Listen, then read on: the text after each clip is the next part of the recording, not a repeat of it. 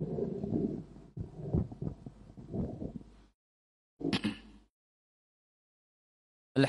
wassalatu wassalamu ala rasulillah wa ala alihi wa sahbihi wa man tabi'ahum bi ihsanin ila amma ba'd.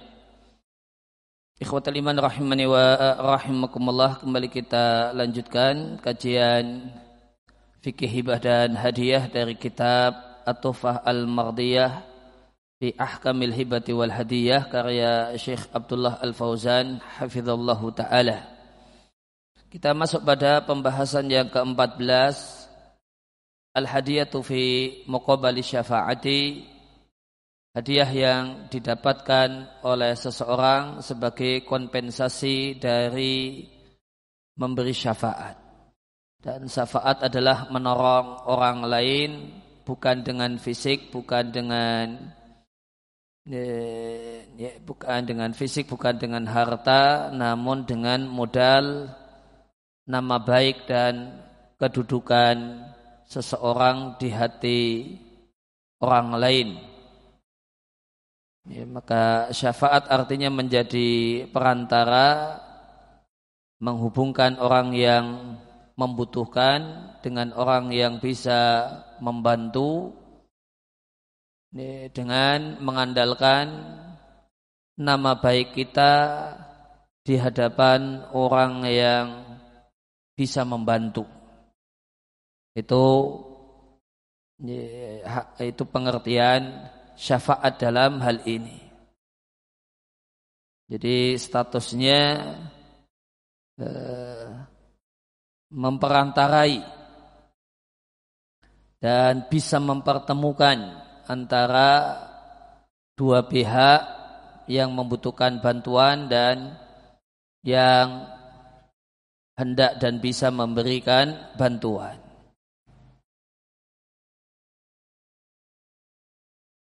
Sehingga jika diterjemahkan oleh uh, sebagaimana dijumpai di sebagian buku terjemah dengan menolong, maka ini terjemah yang yang menyesatkan. Nanti dikira menolong orang yang misalnya nolong orang kecelakaan, nolong orang mobilnya mogok, kemudian dikasih uang karena bantu dorong, terus dianggap masuk dalam pembahasan ini, ini salah, salah faham, salah pengertian, salah tasawur, salah persepsi. Namun syafaat itu semisal ada orang yang butuh pinjaman duit, dan dia ke mana-mana ada dapat bantuan, kemudian anggap saja kita itu orang yang punya kenalan, orang yang dermawan dan dipercaya oleh si dermawan. Ketika kita merekomendasikan seseorang ini kepada beliau maka beliau akan percaya. Kita katakan ini tolong bantu ini orang yang betulan miskin, orang yang betulan memang memerlukan bantuan, maka karena kita dipercaya, maka beliau pun tergerak. Karena kita punya nama baik dan trust yang bagus di hadapan orang yang kaya ini, maka beliau pun membantu dan menolong orang itu. Nah itu yang disebut dengan syafaat. Nah setelah dia dapat duit pinjaman, ini orang yang miskin yang perlu e, bantuan dan pertolongan ini kemudian memberi hadiah kepada kita yang telah menghubungkan dia dengan orang yang bisa memberikan bantuan kepadanya. Nah ini namanya hadiah karena kompensasi syafaat. Dan itu yang dibahas di pembahasan ini. Ini bagian dari pembahasan tentang hadiah. Dari Abu Umamah radhiallahu anhu dari Nabi sallallahu alaihi wasallam Nabi menyampaikan man syafa'a li akhihi syafa'atan siapa yang memberi syafaat untuk saudaranya Fa'udhiya lahu hadiyatan maka diberikan kepadanya hadiah lantas dia menerimanya faqad ata baban min abwabir riba maka sungguh dia telah mendatangi salah satu pintu riba. Riba di sini adalah riba bima'nal am riba dalam makna yang luas yaitu sumber pendapatan yang haram maka riba memiliki dua pengertian riba bima'nal am artinya sumber pendapatan yang haram dan bermasalah dalam hukum syariat dan dari riba bima'nal khas riba dalam makna yang sempit sebagaimana riba semacam riba dalam utang piutang. Hadisnya diatkan oleh Abu Dawud demikian juga diriatkan oleh Imam Ahmad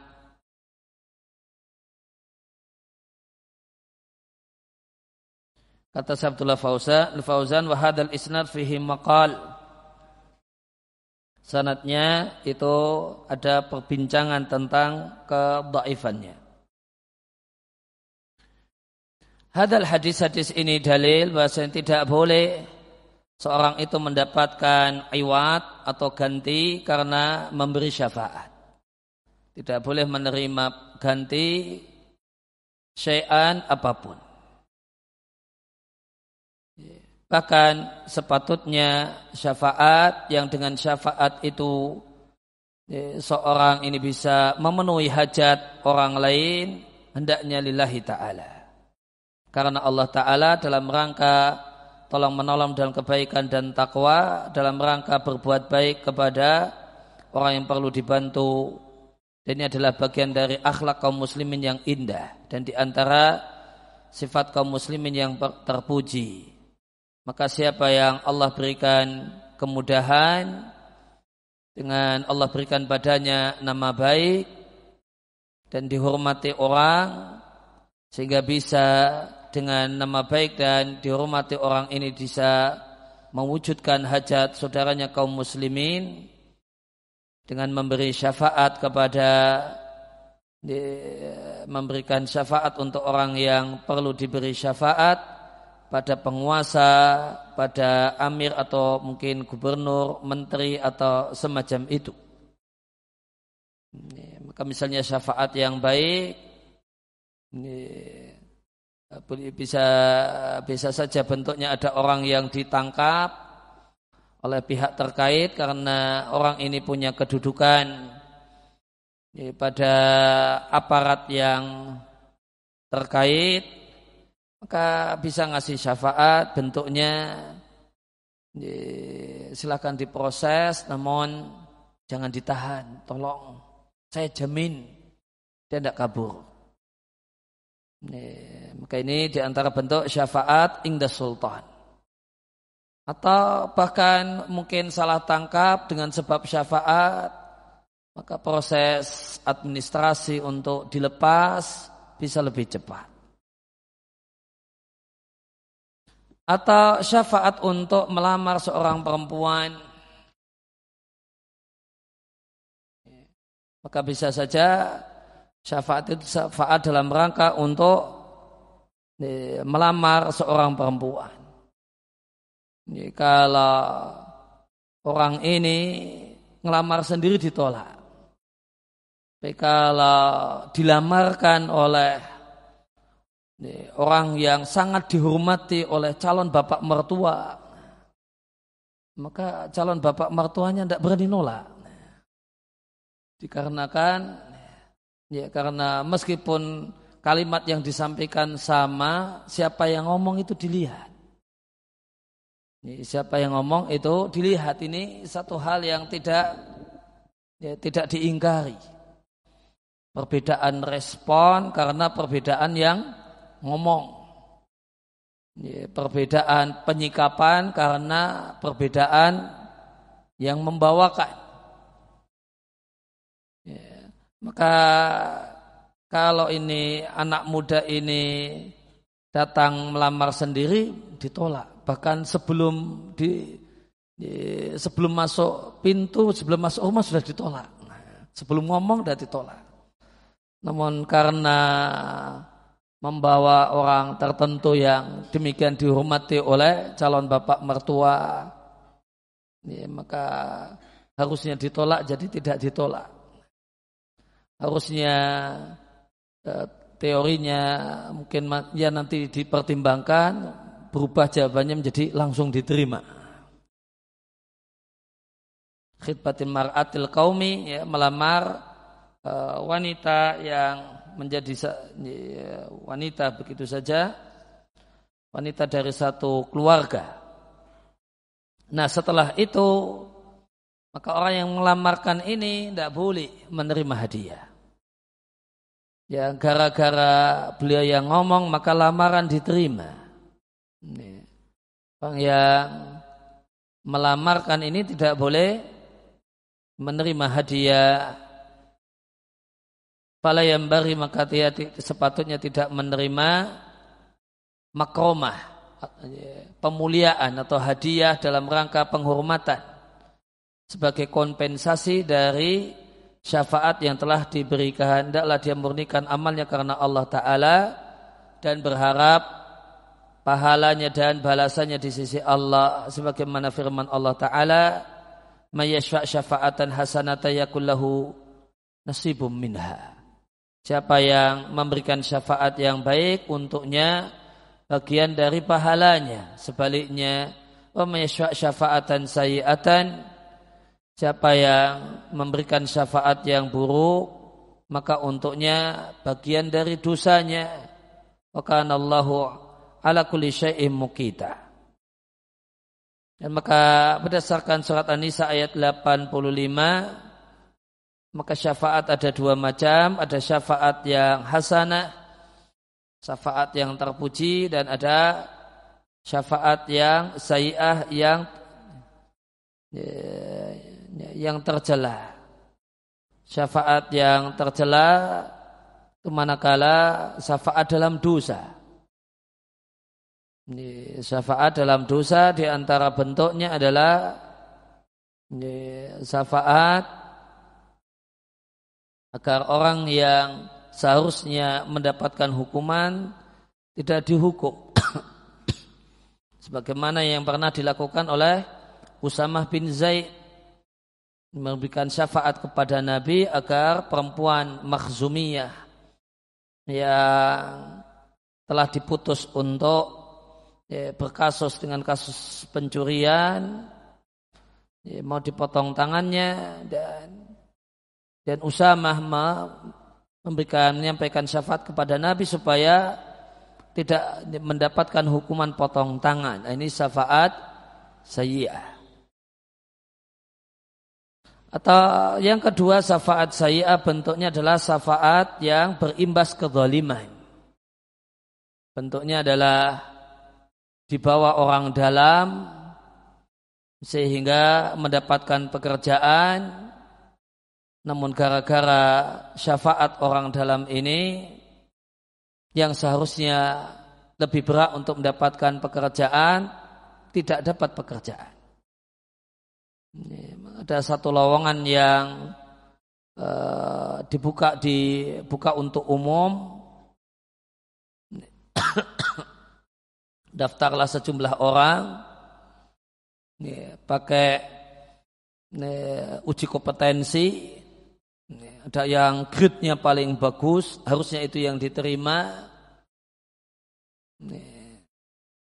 Namun karena ada yang gridnya bawah namun karena dia punya orang dalam maka orang dalam ini memberi syafaat untuk ketua penerimaan. Memberikan syafaat ke pihak HRD sehingga orang yang di bawah ini yang yang diterima sedangkan orang yang seharusnya diterima tidak diterima maka terdapat kezaliman Ya, di samping terdapat ya, terdapat unsur penipuan publik. Ini, karena ini open recruitment ternyata tidak open. Ya, ternyata sudah ada orang yang di bawah. Ini syafaat, ini syafaat sayyi'ah. Maka siapa yang memberi syafaat dalam hal ini yakun lahu kiflum minha maka untuknya bagian dari dosanya. Sedangkan jika syafaat syafaat yang hasanah adalah yang terbebas darinya dua unsur di atas, tidak dalam hal yang haram dan tidak dalam kezaliman. Makna ayat ini siapa yang berupaya fi amrin dalam satu hal yang akan terwujud akan berimbas kebaikan maka untuknya bagian dari kebaikan tersebut di sisi Allah Ta'ala. Dan memberi syafaat itu berpahala meskipun ternyata syafaatnya tidak dikabulkan. Sebagaimana dalam hadis dari sahabat Abu Musa Al-Ash'ari radhiallahu anhu adalah Rasulullah sallallahu alaihi wasallam jika kedatangan seorang pengemis atau orang yang punya hajat, punya kebutuhan, Nabi katakan isfa'u fal tu'jaru. Siapa yang bisa memberi syafaat, silakan beri syafaat, niscaya kalian akan diberi pahala. Waliyaqdiyallahu ala lisani nabihi masya'a. Dan Allah akan memberikan keputusan melalui lisan nabinya apa yang Allah kehendaki. Dalam riwayat yang lain ma'ahabba apa yang Allah cintai dan sukai. Makna dari kalimat yang kedua ini artinya belum tentu syafaatnya dikabulkan. Meskipun syafaatnya tidak dikabulkan, Eh, maka berdasarkan kalimat pertama tetap ada pahalanya. Isfa'u fal tu'jar. Berilah syafaat, niscaya kalian diberi pahala. Meskipun ternyata ah, itu terjemah bebas yang demikian. Meskipun ternyata syafaat itu tidak dikabulkan. Dan contoh syafaat yang eh, dan hendaknya seorang itu tidak jengkel, marah, ketika syafaatnya tidak dikabulkan. Sebagaimana Nabi memberi syafaat untuk muhis di hadapan Barirah. Supaya Barirah tidak tidak memilih berpisah dengan muhis suaminya yang masih berstatus budak. Maka Nabi sarankan kepada Barirah tetap saja dengan muhis Ya, maka uh, Barirah merespon dengan mengatakan, Ya Rasulullah, amarta am syafa'ta. Wahai Rasul, ini perintah yang akan wajib direspon dengan sami'na wa ata'na ataukah ini syafaat? Nabi mengatakan bal syafa'atu. Saya hanya memberi syafaat. Ya, Tolong wahai Barira jangan pisah. Tetap saja dengan muris kasihaniah dia. Kemudian Barirah mengatakan, "Idzan jika demikian, laisali minhul hajah." Aku tidak butuh muris. Nah, artinya syafaat Nabi ditolak dan Nabi tidak marah.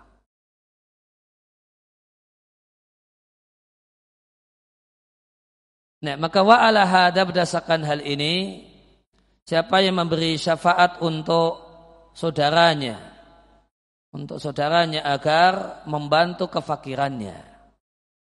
Kita memberikan syafaat ada orang yang miskin, perlu dapat bantuan, bukan bukan utangan namun bantuan. Ini layak untuk dibantu.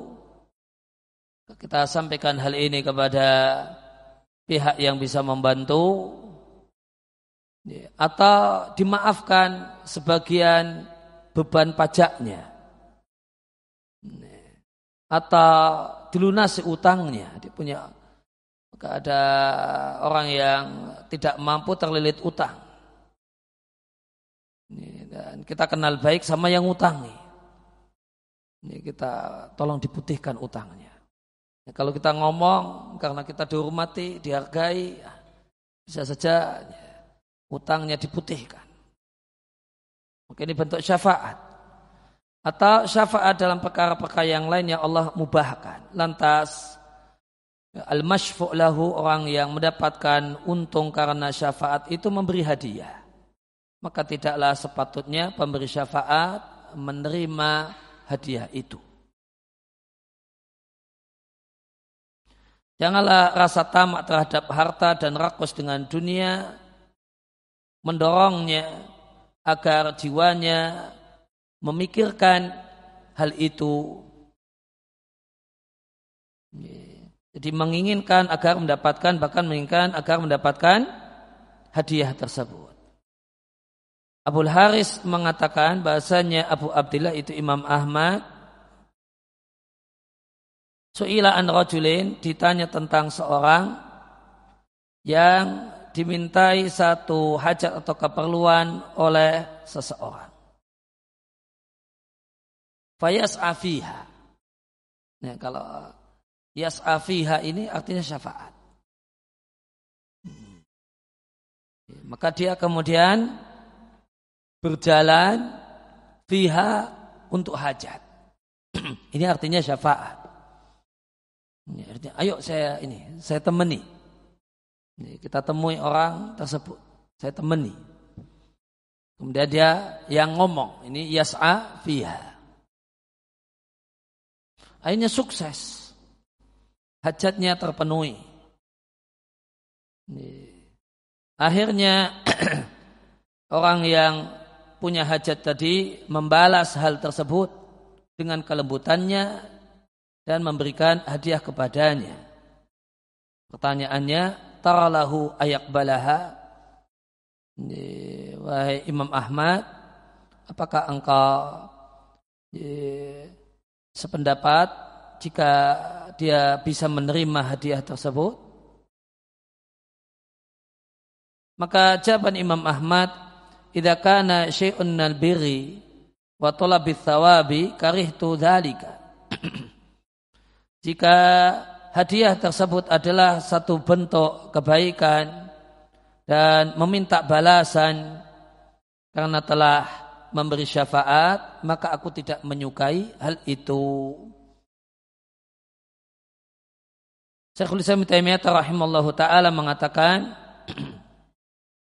contoh uh, adapun hadiah dalam syafaat contohnya adalah ada seorang yang uh, memberi syafaat untuk kepentingan orang tertentu ingda walil amrin di hadapan penguasa untuk menghilangkan kezaliman yang menimpanya atau menimpa keluarganya.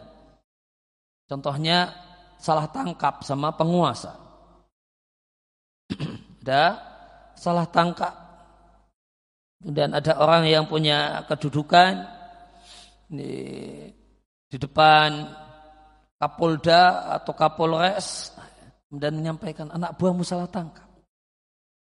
Ya, itu orang tersebut bukan orang yang salah, itu sama namanya itu kan yang dicari itu ini ya, bukan ini, ya. cuma namanya sama. Misalnya. Ya, dan ini adalah orang yang dihormati oleh pihak yang menangkap atau bos dari pihak yang menangkap. Ya, maka ini berarti untuk menghilangkan kezaliman pada orang tersebut. ya, maka karena ya, karena syafaat, ya, maka orang yang terzalimi tadi tidak hanya dilepas, ya, bahkan malah diantar pulang sama Kapolda, kan? Karena syafaat itu imbas dan dampak dari syafaat. Bisa saja malah jadi tamu istimewa mula salah tangkap, korban kedoliman, karena syafaat bisa jadi tamu istimewanya Kapolda. Gitu. Ya, au uh, yusil haqqahu. Atau tujuan syafaat itu adalah untuk supaya mendapatkan haknya. Hmm. Ada ya orang kecil, ya, rakyat bawah, rakyat jelata, ya, punya hak berhak untuk mendapatkan satu hak, namun dia tidak mendapatkannya. Akhirnya ada seorang yang punya kedudukan di depan penguasa atau pihak terkait memberikan syafaat sehingga ya, rakyat kecil tadi bisa mendapatkan haknya. atau yuwali iyahu wilayatan yastahiquha. Syafaat tersebut untuk supaya dia mendapatkan jabatan yang menjadi haknya. Mendapatkan kedudukan yang menjadi haknya. Ya, harusnya orang ini bisa naik, naik karirnya namun dihalangi. Dan dia menjadi hak kriteria persyaratan sudah eh, terpenuhi. Ini, lantas dia punya kenalan orang yang bisa ini, menyingkirkan penghalang tersebut. Atau uh, mempekerjakannya di tentara yang terlibat dalam peperangan dan dia memang berhak untuk itu. Ya, semestinya bisa diterima jadi tentara. Dan dia sudah memenuhi kriteria, namun ada pihak-pihak yang zalim. Dan dengan syafaat maka sekat tadi bisa disingkirkan. Atau yu'tihi minal mali al mauqufi alal fuqara. Bisa diberikan dengan sebab syafaat tersebut harta yang memang diwakafkan untuk eh, orang-orang fakir. Sehingga bisa dimasukkan ke dalam daftar penerima harta wakaf produktif. Ada satu wakaf produktif yang ini pewakaf pewakafnya mengikrarkan bahasanya hasil usaha ini saya niatkan agar untuk santunan fakir miskin di daerah ini. Di daerah ini. Ada seorang fakir miskin di daerah tersebut kelewatan. Belum masuk daftar. Hmm. Ngomong langsung boleh jadi kurang juga kurang dipercaya. Nah, lewat syafaat dia bisa masuk dalam daftar fakir yang mendapatkan santunan dari wakaf produktif tersebut. Ini contoh syafaat. Akhirnya orang miskin ini eh, mendapatkan haknya dari harta wakaf. Ini contoh-contoh syafaat dan syafaat-syafaat semacam itu yang isinya adalah membantu untuk melakukan kewajiban atau meninggalkan yang haram. Fahadihi maka syafaat-syafaat ini juga tidak boleh ada padanya menerima hadiah.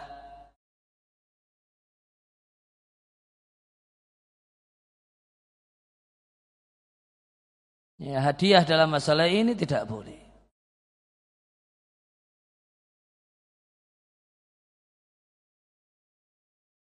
Dan untuk untuk syafaat-syafaat semacam hal di atas yaitu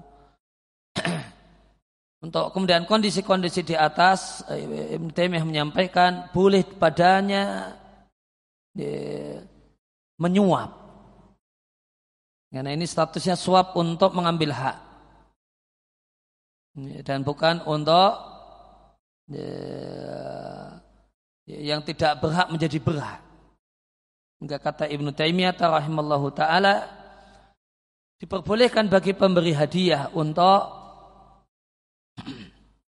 menyerahkan dalam hal tersebut dalam kasus di atas maharta yang dengan harta tersebut bisa dia jadikan sarana untuk mengambil haknya atau untuk untuk mencegah kezaliman dari dirinya. Dan kebolehan hal ini, adalah pendapat yang dinukil dari salaf dan para imam besar.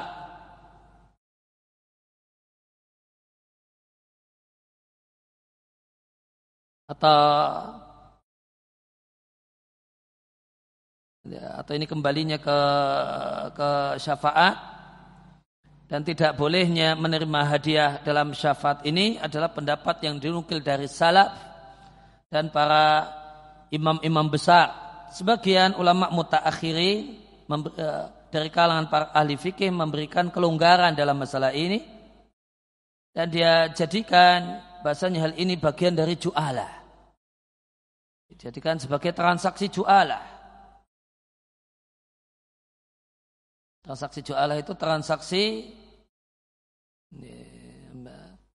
transaksi mirip sayembara yang mengatakan ya, namun semestinya besaran upahnya itu jelas di awal. Jika engkau bisa menyelesaikan urusan saya, saya kasih upah sekian. Itu namanya transaksi jualah. Maka ada yang ulama fukuhak mutaakhirin yang membolehkan hadiah dalam syafaat dengan dimasukkan di bab jualah. Wahada mukhalifun li sunnah. Ini adalah pendapat yang menyelisih ajaran Nabi, perkataan para sahabat dan para imam. Dan ini adalah jelas salahnya. Karena kepentingan umum, pelaksanaannya adalah kewajiban. Boleh jadi wajib ain dan boleh jadi wajib kifayah.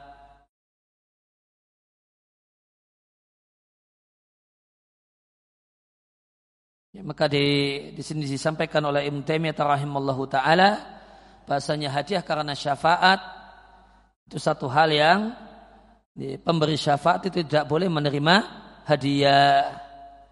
Dan ini adalah pendapat yang dinukil dari salaf a'imah al-akabir. Dan inilah yang sesuai dengan sunnah akwal sahabat perkataan para sahabat dan para imam Kemudian tadi juga disampaikan dan ini adalah pendapat jumhur ulama bolehnya memberi hadiah dalam tanda kutip e, suap namun suap untuk mengambil hak atau untuk mencegah kezaliman. Ya, suap yang haram adalah suap untuk melakukan kezaliman. Ini, tapi suap untuk mengambil hak dan mencegah kezaliman ini tidak mengapa. Tidak mengapa bagi pemberi dan tetap haram bagi penerima. Ini pendapat jumhurul fuqaha. Ada orang yang salah tangkap, tapi dia tidak dilepas kecuali kalau bayar. Ini sudah bayar. Ini sudah bayar. Dan ini halal bagi uh, pemberi dan haram bagi penerima. Ada orang yang sudah ngurus semua syaratnya lengkap. Namun pihak terkait, instansi terkait ya, eh, meletakkan pengajuannya di proposal yang paling bawah sehingga tidak pernah naik-naik, ditumpuk itu, ditumpuk itu.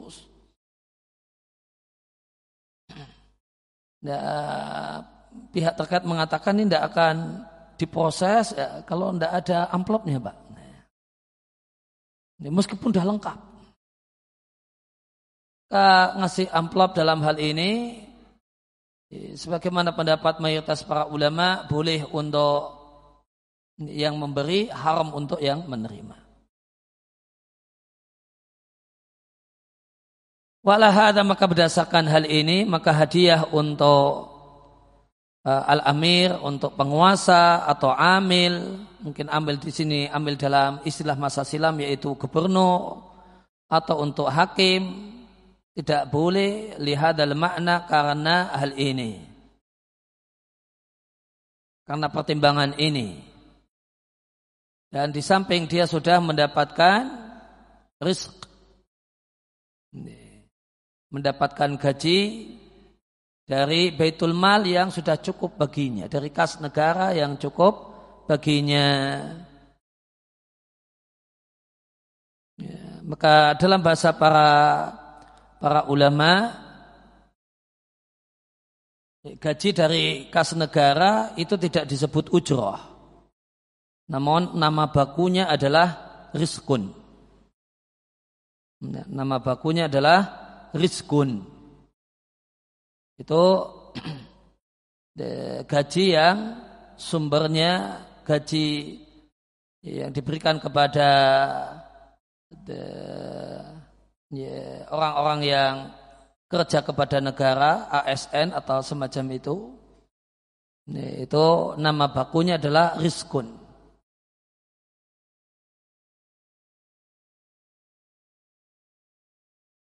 Ya, demikian juga semisal itu ya, gaji yang uh, diberikan kepada orang-orang yang ya, melaksanakan fardu kifayah ya, dan itu diambilkan dari dana umat dari donasi dari uang infak masjid. Itu tidak disebut ujrah namun sebutan bakunya adalah rizkun intinya kalau digaji itu dari uang umat namanya rizkun bukan ujrah sehingga misalnya ada imam tetap satu masjid yang dapat gaji dari uang umat maka itu bukan ujrah. Itu bukan ujrah. Dia bukan mendapatkan upah kerja karena jadi imam. Ujrah berarti upah kerja. Tidak. Statusnya itu adalah riskun riskun dari uang umat dikarenakan dia uh, mewakili umat untuk terlaksana fardu kifayah. Jadi gajinya karena itu, bukan karena bukan karena dia kerja jadi kerja sebagai imam bukan. Gajinya itu karena dia telah menghilangkan beban dari umat berkenaan dengan kewajiban fardu kifayah. Berkenaan dengan kewajiban fardu kifayah. Adalah kalian ya, longgar, bebas, ini saya yang ngurusi. Kalian tidak perlu khawatir ini uh, siapa yang jadi imamnya, siapa yang ininya yang ngurusi hal ini. Kalian tidak usah khawatir jadi kalian tidak usah khawatir, saya yang handle. Nah karena menghandle yang sesuatu yang harusnya merupakan tugas umat, fardu kifayah atas umat, maka diberi itu. Gajinya untuk itu. Sehingga statusnya, labelnya namanya riskun. Dan apa bedanya riskun sama ujroton ya, perbedaannya ya, kalau teledor dalam kerja. Teledor dalam kerja maka kalau eh, kalau gaji itu statusnya ujroh wajib ada pengembalian. Wajib ada pengembalian ya, ya harusnya masuk kerja dia tidak masuk kerja. Dan ini tanpa tanpa udur yang diperbolehkan. Ini harusnya dia kena potong gaji. Kok yang diterima utuh wajib ada pengembalian. Itu kalau ujroh. Tapi kalau riskun, hmm, orang yang status gajinya adalah riskun itu tidak memiliki kewajiban pengembalian. Ya, kewajiban dia bertobat dan uh, memperbaiki kerjanya tanpa ada kewajiban mengembalikan sebagian yang telah dia terima. Ini sebagaimana penjelasan Abu Abbas Ibn Taimiyah rahimallahu taala di kitab beliau di siasah siasah syariah.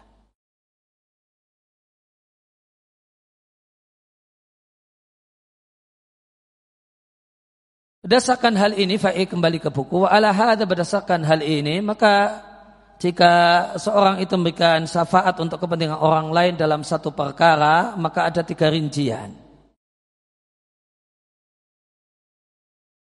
Syafaat untuk kepentingan orang lain untuk terwujudnya kewajiban atau untuk mencegah kezaliman. Maka ini syafaat yang wajib bagi orang yang mampu memberi syafaat. Haram mengambil apa pun karena syafaat ini. Al-Hafidh Ibn Rajab Al-Hambali rahimahullah ta'ala mengatakan hadiah kepada orang yang memberi syafaat di di hadapan penguasa atau semacam itu satu hal yang tidak boleh. Sebagaimana disebutkan oleh al-qadhi al-qadhi kalau dalam bahasa para ulama Hanabila artinya al-qadhi Abu Ya'la. Kalau di bahasa ulama Syafi'iyah al-qadhi berarti uh, qadhi Husain. Ibnu Rajab ini hambali maka al-qadhinya adalah al-qadhi Abu Ya'la. Ini sudah disyaratkan Imam Ahmad karena hadiah semacam itu seperti upah. Dan padahal syafaat untuk dan syafaat tersebut adalah untuk kepentingan umum. Maka tidak boleh mengambil upah karenanya dan tentang hal ini terdapat hadis yang tegas yang terdapat dalam kitab sunan yang tadi telah kita baca yaitu ya dibaca di awal dari Abu Umamah. Dan telah lewat kutipan perkataan Abu Haris bahasanya Imam Ahmad berpandangan karohah.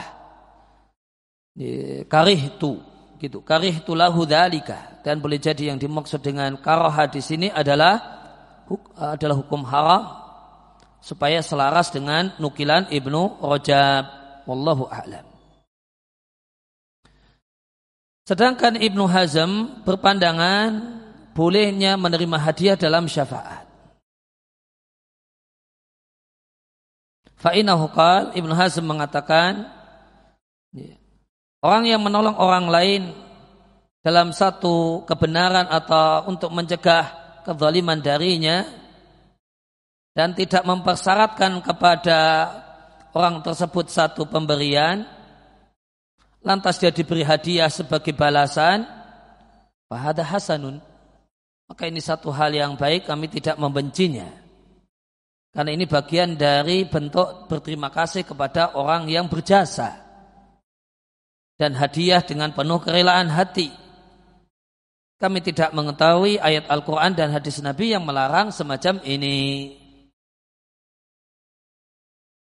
Ya, maka alasannya Ibnu Hazm, ya, beliau tidak tahu ada hadis yang melarangnya.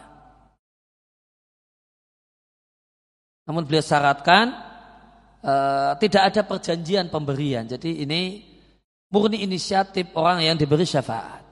Kalau ada transaksi, namun kalau nanti sukses, yeah, sekian lo ya. Nah, ini saya bawa proposalnya. Kalau sukses, nah, udah, udah saya kemudian bisa tembus. Nah, saya sekian.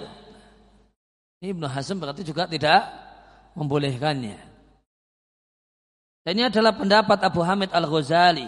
Akan tetapi kalau Al-Ghazali berpandangan boleh dengan alasan kias dengan ju'alah. Dan itu dengan syarat pekerjaannya adalah pekerjaan yang bikin capek. Jadi ada syaratnya. Syaratnya pekerjaan yang bikin capek. Wa illa jika bukan pekerjaan yang bikin capek. Maka kata Abu Hamid Al-Ghazali haram mengambil hadiah. Kalau itu cuma sekedar uh, chat WA sekali kirim.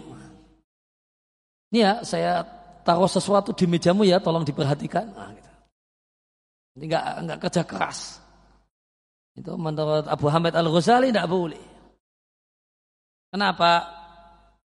Haram mengambil hadiah kalau pekerjaannya tidak bikin capek li'annahu iwadun anil jah. Dan ini adalah kompensasi dari al-jah nama baik di depan orang yang diberi syafaat.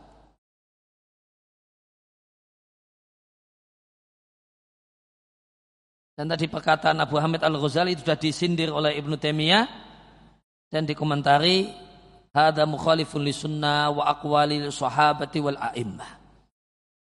Ini pendapat Abu Hamid Al-Ghazali yang membolehkan dengan uh, dimasukkan dalam bab ju'alah itu menyelisihi ajaran Nabi, menyelisihi perkataan para sahabat, bahkan perkataan para imam.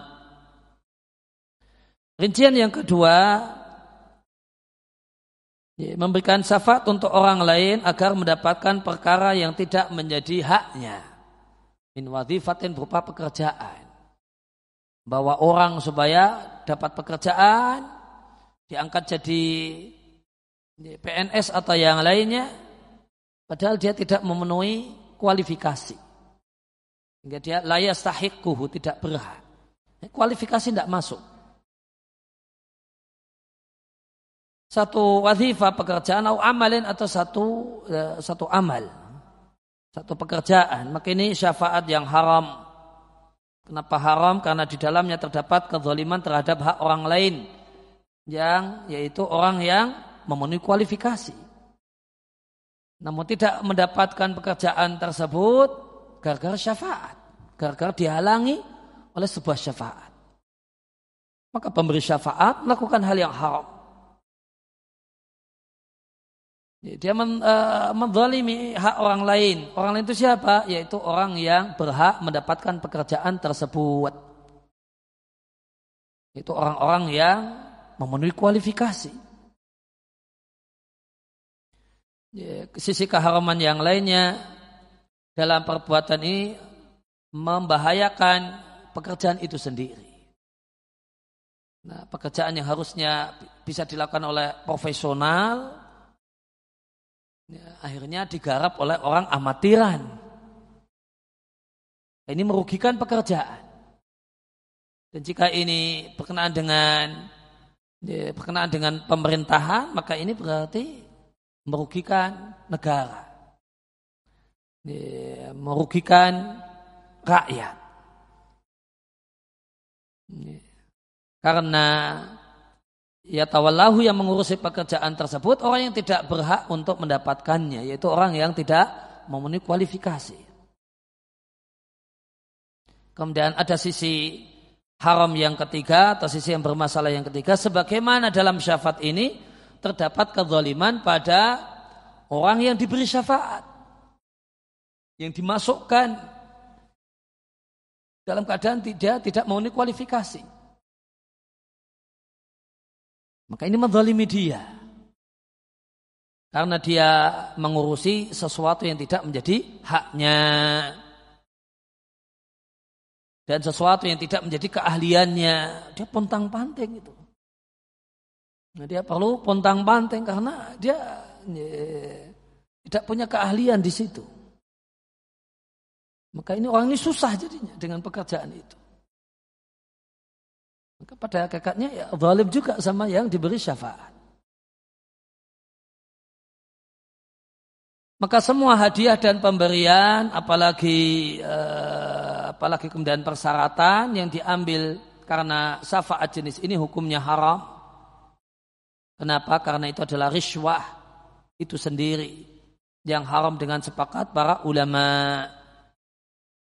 Maka hadiah dalam syafaat jenis yang kedua ini statusnya adalah riswah senyatanya.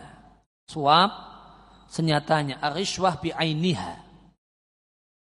Dan termasuk dalam hal ini adalah syafaat dalam hududillah dalam hukuman had ada orang yang harusnya berat untuk mendapatkan hukuman had, potong tangan atau yang lain, kemudian syafaat supaya tidak mendapatkan hukuman had.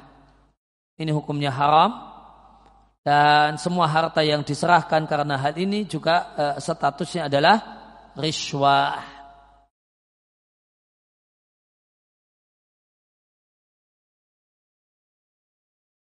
Eh, kemudian rincian yang ketiga syafaat dalam perkara yang mubah dan ini bukan kewajiban pemberi syafaat namun ini manfaat bagi orang yang diberi syafaat contohnya semacam memberi syafaat untuk seseorang agar bisa mutasi mutasi kerja.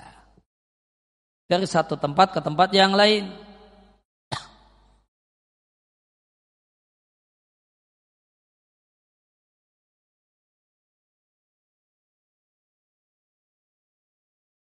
Atau syafa'alahu dia memberikan syafaat untuk orang tertentu fi injasi muamalatihi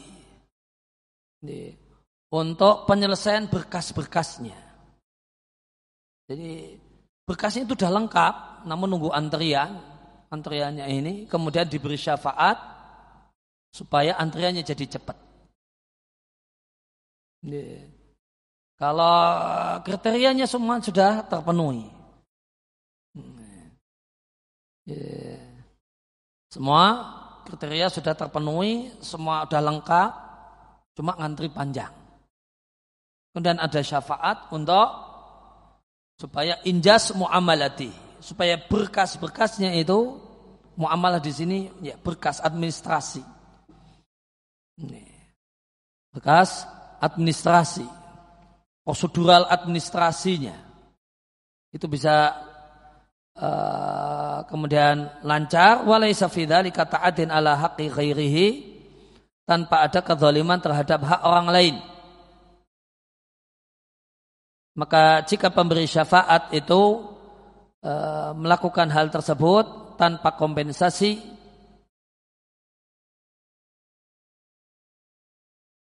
dan dia jadikan hal tersebut mimbabil ihsan dalam rangka ya semata-mata berbuat baik dan menolong maka itu yang lebih baik namun jika dia mengambil karena hal tersebut ya, ya iwadan kompensasi fadzahir maka kemungkinan yang lebih mendekati menurut penulis Sa'abdullah Al-Fauzan adalah boleh. Syaratnya itu bukan syafaat adalah itu syafaat dalam perkara yang mubah dan bukan tugas dan ya, kewenangan si pemberi syafaat. Ya, itu bukan Ya, tugasnya, itu bukan kewajibannya, itu bukan urusannya. Ya, itu bagian lain. Ya, dia cuma kenal bagian tersebut, kemudian ini tolong, ini orangnya sudah memenuhi persyaratan, tolong dibantu agar lebih lancar. Jadi ya kemudian yang diharamkan oleh Abdullah Fauzan kalau ya, wajibin Bitasli wajibin. Itu adalah satu hal yang menjadi kewajibannya.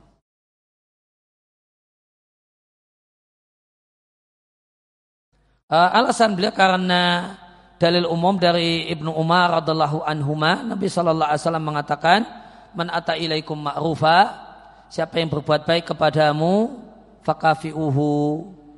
Maka balaslah kebaikannya jika engkau tidak menjumpainya maka doakanlah untuknya doakanlah untuk orang yang berbuat baik tersebut sehingga engkau yakin bahasanya engkau telah membalas kebaikannya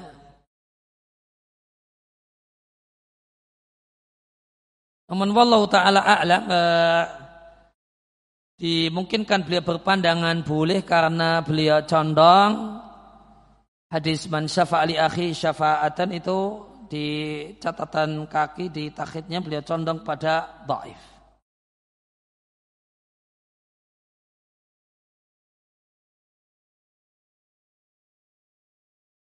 Dan kemudian di ya, hadis Abu Umamah itu di catatan kaki beliau condongnya beliau kepada status dhaif. Namun hadis ini Abu Umamah Man syafa'a li akhi syafa'atan fa'utiya lahu hadiyatan faqabilaha faqad atababan abi, abi riba. Ini hadis yang uh, ini disahihkan oleh Al-Albani rahimallahu taala. Kalau mengacu pada pada ulama yang menilainya sahih, maka ini pengecualian dari hadis umum man ata ilaikum ma'rufan fakafi'uhu. Beliau katakan ini dalil umum li umumi hadis Ibnu Umar. Li umum hadis uh, Ibnu Umar. Beliau tidak menilai tidak ada taksis untuk uh, untuk hadis Ibnu Umar. Karena yang mentaksisnya riwayat yang dhaif. Ya, tapi jika mengacu pada ulama yang menilainya uh, menilainya sahih maka Man syafa'ali akhi syafa'atani syafa'atan nakirah e, didahului oleh syarat yufidul umum. Baik syafaat mubah, syafaat wajib, syafaat untuk mencegah kezaliman semua syafaat sehingga semestinya bisa mentaksis keumuman hadis Ibnu Umar itu kalau uh, mengacu pada sudut pandang ulama yang menilai sahih hadis Abu Umamah. Ya demikian yang kita baca dan kita kaji kesempatan pagi hari ini. Di, di pertemuan yang akan datang ada pembahasan yang menarik yaitu tentang hadiah untuk para pejabat negara, semisal qadhi, semisal hakim.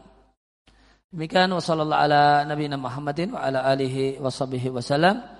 Wa akhu da'wana alhamdulillahi rabbil alamin. Kita akhiri dengan kafaratul majlis. Subhanaka Allahumma wa bihamdika asyhadu an la ilaha illa anta astaghfiruka wa atubu ilaih.